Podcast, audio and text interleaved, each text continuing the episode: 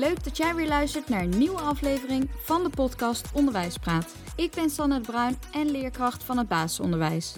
Heb jij ook affiniteit met het onderwijs? Dan is deze podcast echt iets voor jou.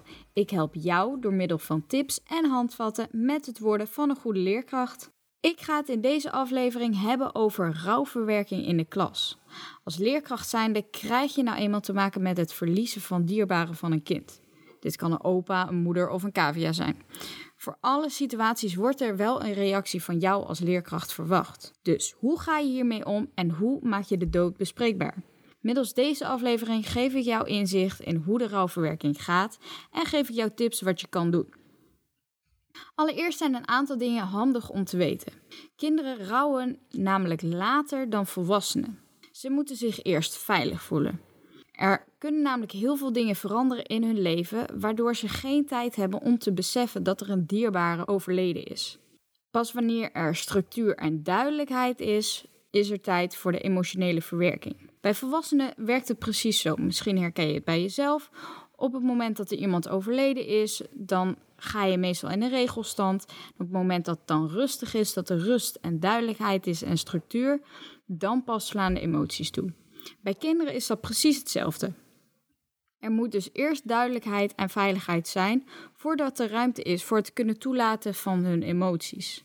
En het kan zijn dat bijvoorbeeld na het overlijden van een opa, oma, dat een leerling zo snel mogelijk weer naar school wilt.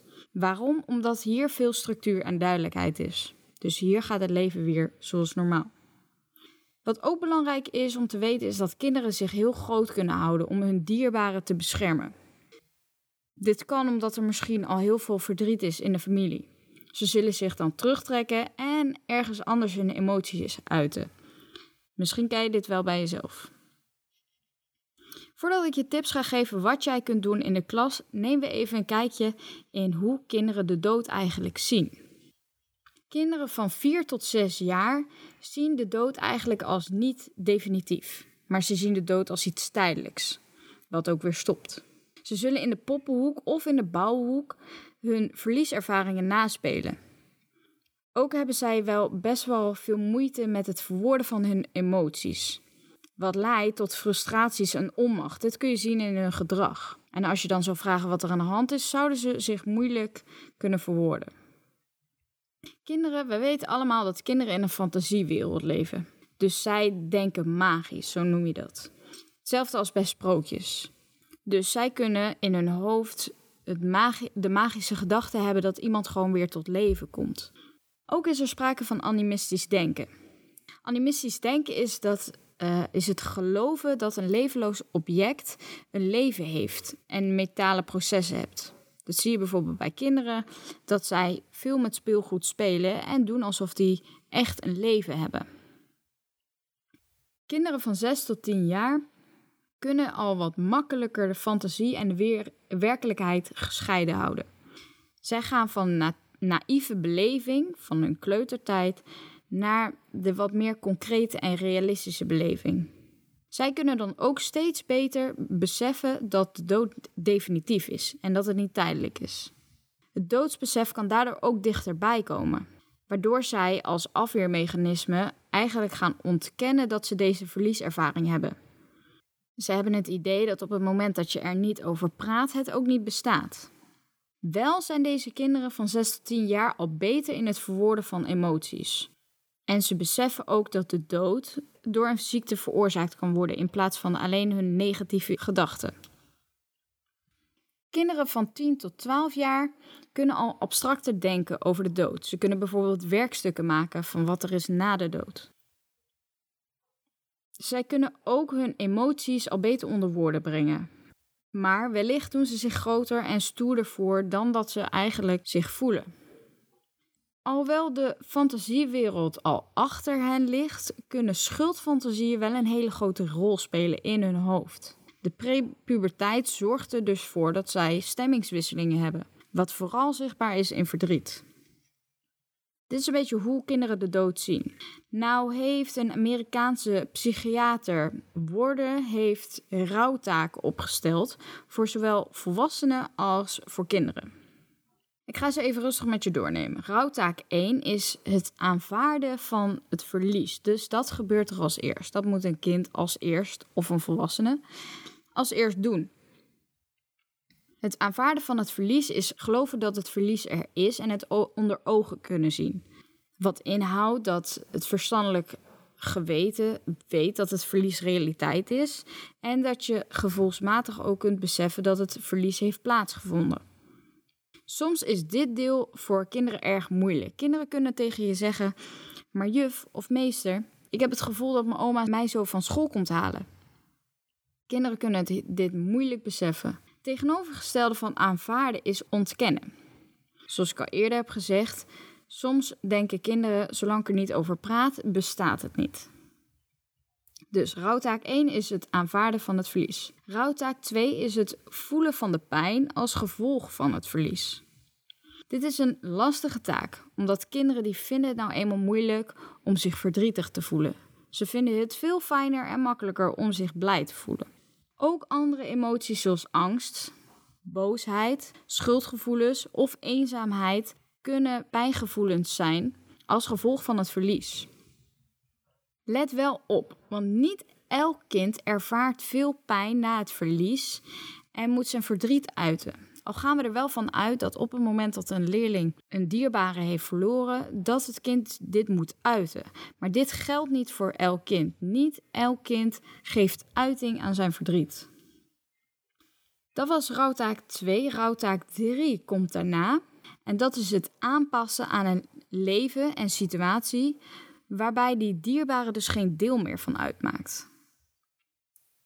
Natuurlijk is het afhankelijk van de relatie die het kind met de dierbare heeft, hoe makkelijk of moeilijk dit gaat. Er kunnen namelijk een aantal hele belangrijke veranderingen in het leven van het kind komen. Bijvoorbeeld, hij of zij gaat naar een andere opvang na schooltijd. Of door een gebrek aan inkomen, omdat die dierbare er niet meer is, vindt er een verhuizing plaats. Of gezinsleden zijn ook ontzettend verdrietig, waardoor het kind ineens niet heel veel aandacht meer krijgt. En een kind moet verwachtingen, ideeën en opvattingen over de toekomst veranderen. Wat je vaak ziet in rouwtaak 3 is dat kinderen de waarom-vragen heeft. Bijvoorbeeld, waarom moest mijn tante overlijden terwijl ze altijd zo fit eruit zag? Of waarom gebeurt dit in mijn familie? Rouwtaak 4 is de overledene een emotionele plek geven en verder leven zonder diegene. Dus het kind kan hier verder leven met het verdriet geïntegreerd. Want dat verdriet gaat niet weg. Dat hoort bij diegene, dat maakt diegene hoe diegene is. Oké, dus de rouwtaken was 1 het aanvaarden van verlies. Rouwtaak 2 was het voelen van de pijn als gevolg van het verlies. 3 was het aanpassen aan een leven en situatie waarbij die dierbare geen deel meer van uitmaakt. En rouwtaak 4, de overledene een emotionele plek geven en verder leven zonder diegene. Dus nu weten we hoe kinderen de dood zien. We weten welke rouwtaken er zijn, in welke volgorde dat gaat. Tot slot ga ik je nog een aantal tips geven wat jij kunt doen als je een rouwende leerling hebt in de klas.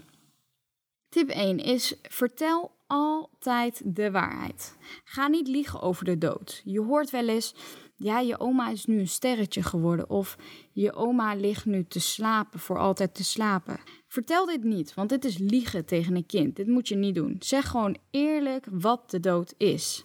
Zeg bijvoorbeeld dat het lichaam het niet meer doet, omdat het hart is gestopt. Hierdoor stroomt er geen bloed meer en kunnen de ogen niet meer zien en kunnen de benen niet meer bewegen. De dokters kunnen niks meer doen om het beter te maken.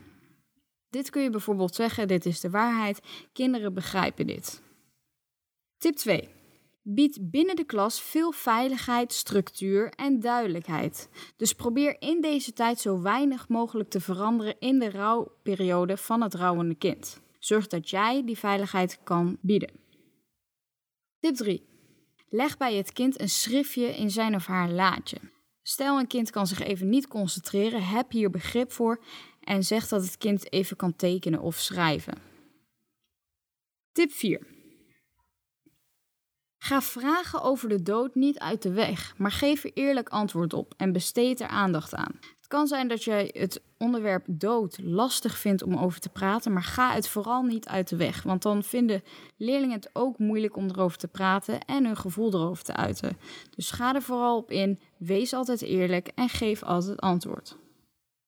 Leg ook uit, dit is tip 5, dat de dood niet besmettelijk is.